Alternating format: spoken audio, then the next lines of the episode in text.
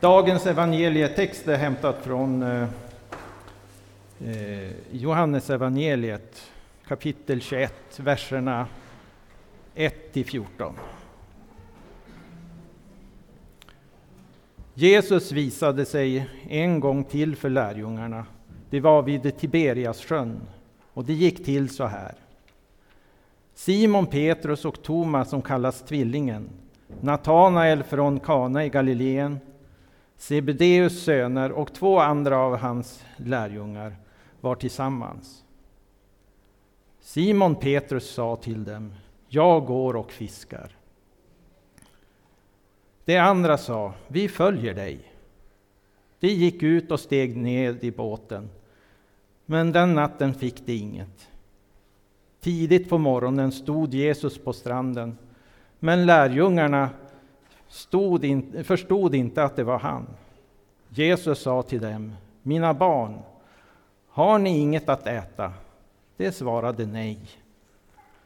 Han sa, kasta ut nätet på högra sidan om båten, så ska ni få. De kastade ut nätet, och nu orkade de inte dra upp det för all fisken. Lärjungen som Jesus älskade sa då till Petrus, det är Herren. När Simon Petrus hörde det, att det var Herren, drog han ytterplagget om sig, för han var inte klädd, och kastade sig i sjön. De andra lärjungarna kom efter i båten med fisknätet på släp. Det var inte långt från land, omkring hundra meter. När de kom i land fick de se en koleld och fisk som låg på den, och bröd. Jesus sa till dem, bär hit av fisken som ni fick nyss. Simon Petrus steg i båten och drog upp nätet på land. Det var fullt av stora fiskar, 153 stycken. Och fast det var så många gick nätet inte sönder. Jesus sa till dem, kom och ät. Ingen av lärjungarna vågade fråga honom vem han var. De förstod att det var Herren. Jesus gick fram och tog brödet och gav till dem, likaså fisken. Detta var tredje gången som Jesus visade sig för lärjungarna efter det att han hade uppstått från de döda. Så lyder det heliga evangeliet. Lovad vare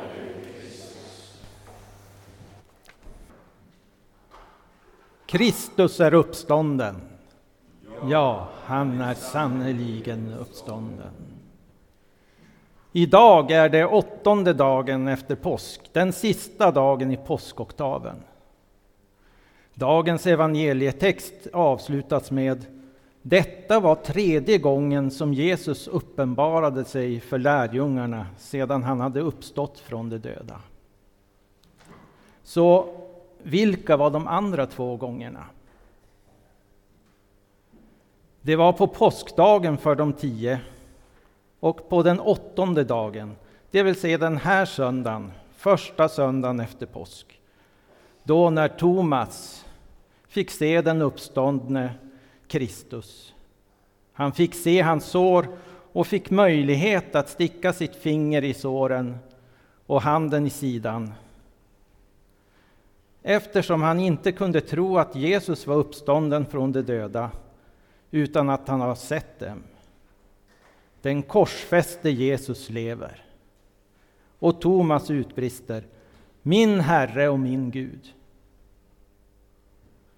Så första gången visade han sig för lärjungarna tills dess att de hade förstått att han är uppstånden, att det inte var ett spöke som visade sig. Men tredje gången, det var ju inte som de två första gångerna i Jerusalem, för, för att visa att han var levande. Den här gången var han i Galileen.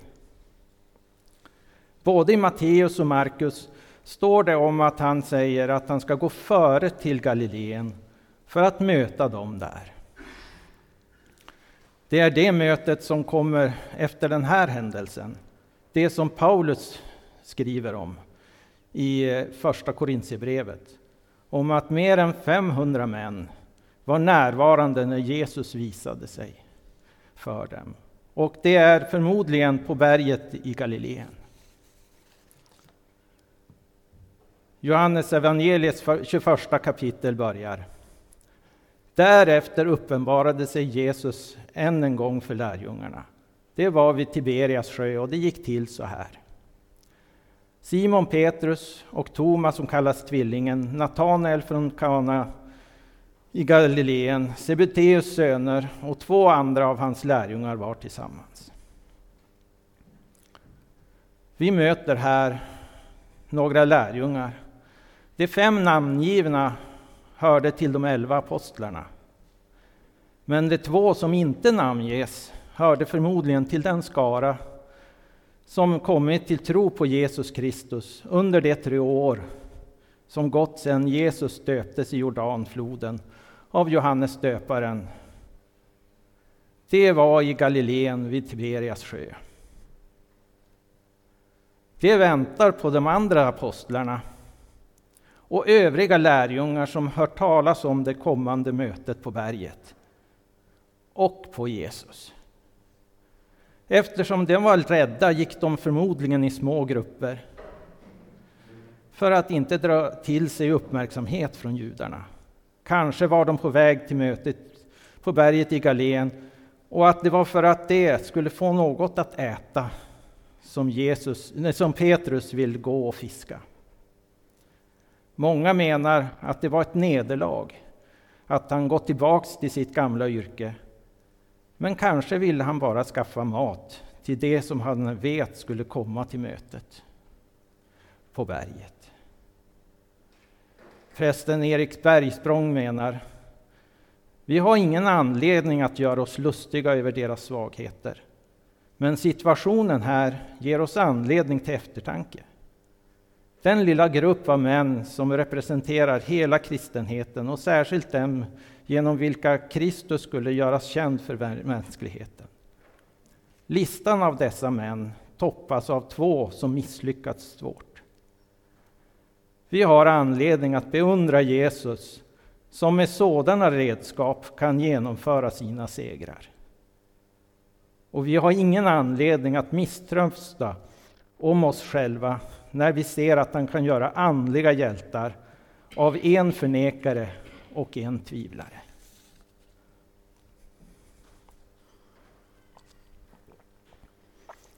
När de befinner sig där ute så uppstår det en liknande situation som när Jesus kallade Petrus till att bli människofiskare. De får ingen fisk under hela natten. Som bonde kan jag konstatera att varken skördar eller fiskfångst är det någonting som man kan ta för givet. Och i Herrens bön ber vi Giv oss idag vårt dagliga bröd. På grund av kriget i Ukraina befinner vi oss i en stor livsmedelskris som vi kommer märka genom högre priser. Även om vi här i Sverige kanske inte kommer att bli utan mat, så riskerar de allra fattigaste att bli det. Det finns all anledning att fortsätta att be om dagligt bröd. Vi kan förstå att lärjungarna kanske inte heller hade pengar nog att köpa mat. En del i brödundren som Jesus gjorde var att de inte hade råd att köpa bröd till så många.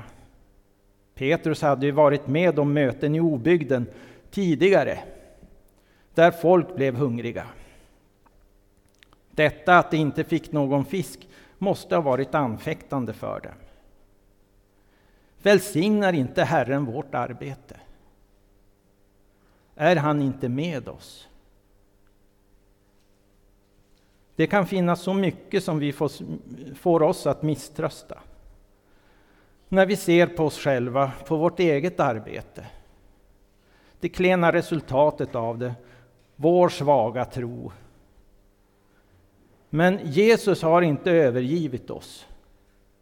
Han dog för våra synder och nu lever han.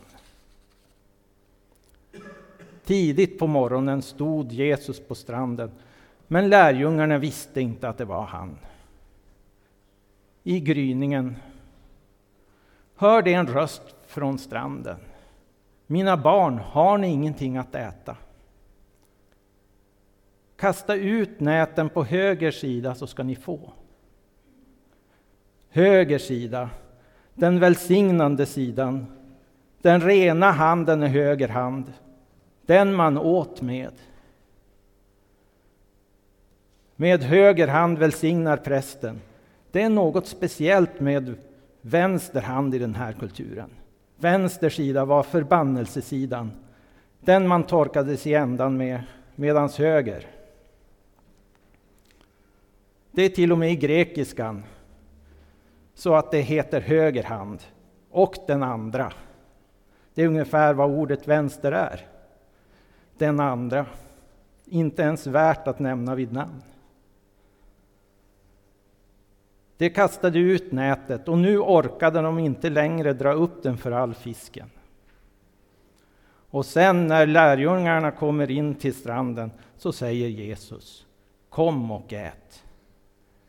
Det visar på Jesu kärlek, att han har förberett. Han visste att de var hungriga och efter att ha varit ute och fiskat hela natten.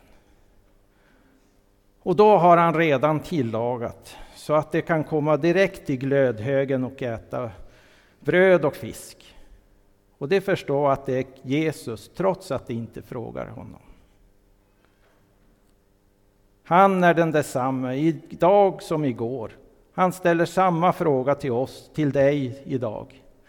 Mitt barn, har du något att äta? När Jesus ställde den frågan visste han precis hur de hade det.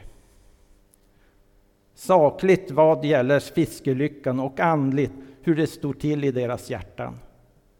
Så vet han som är uppstånden och här mitt ibland oss. Hur det står till med oss. Han behöver inte fråga dig för att få veta.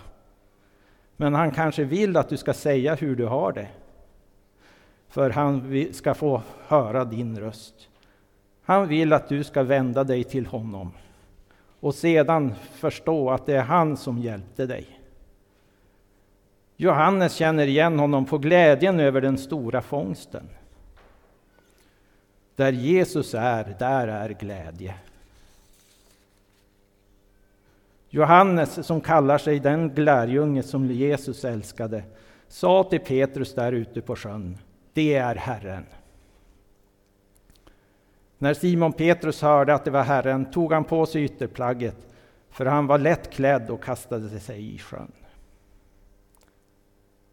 Petrus är redan förlåten när detta händer.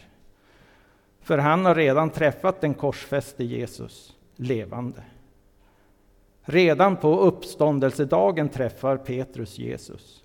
Annars skulle han aldrig ha kastat sig ur båten. Av glädje och kärlek till Jesus kastar sig han sig i vattnet för att ta sig till honom så fort som möjligt. För några veckor sedan hörde vi om hur Jesus säger om synderskan i Simon fariséns Farisens hus i Lukas evangeliets sjunde kapitel. Att den som fått mycket förlåtet älskar mycket. Därför är det viktigt att vi också kommer med våra synder till Jesus. Så att han kan förlåta oss också. Det är den högsta formen av tillbedjan. Det som Kristus vill ha av oss. Kristus dog för oss och i utbyte mot våra synder får vi hans rättfärdighet. Det har Petrus förstått. Senare i vers 15 möter Jesus Petrus ensam. Och han frågar tre gånger, älskar du mig? Och Petrus svarar ja. Och det får du också göra. Allt det som du behöver finns hos Jesus. Hans kärlek omsluter dig på alla sidor. Men hur ska man se på dem, att det var just 153 fiskar? En samtida naturforskare hävdade att det fanns 153 fiskarter i världen. Det är möjligt att Johannes kände till denna vetenskapliga uppgift. och att han i fiskafänget såg ett löfte om att människor ur alla folk skulle vinnas. 153 stora fiskar, det är mycket fisk helt enkelt. Det skulle räcka till dem som skulle äta. Men det var ju samtidigt en bild på att näten inte gick sönder. När vi, för det är ju vi, när vi slänger ut evangelienätet för att fånga människor så ska inte nätet gå sönder. Det ska hålla. Vilka är då påskens vittnen? Evangelierna talar om kvinnorna vid graven som de första vittnena. Och sedan apostlarna. Paulus nämner att mer än 500 bröder såg honom vid ett och samma tillfälle. Men han räknar inte med kvinnor och barn, eftersom de inte var vittnesgilla. Men idag är det vi som är påskens vittnen, eftersom vi i gudstjänsten möter Kristus i ordet och i mässan. I måltiden får vi äta hans kropp och dricka hans blod till syndernas förlåtelse. Han säger om kom och ät till oss också. Det betyder att när du kommer fram till hans nattvardsbord så är det han själv som ger dig att äta det som du behöver allra mest. Honom själv. Och om vi inte vittnar om Jesu liv och uppståndelse, vem skulle då göra det? De allra flesta av de som kommer till tro på Jesus blir ledd till honom av någon som inte är anställd i kyrkan. När du berättar om din korsfäste och uppståndne frälsare så kommer det inte att vara resultatlöst. Vi får vänta större ting av Jesus än ett stort antal stora fiskar. Och då får vi likt Johannes känna igen den uppståndne och säga, det är Herren.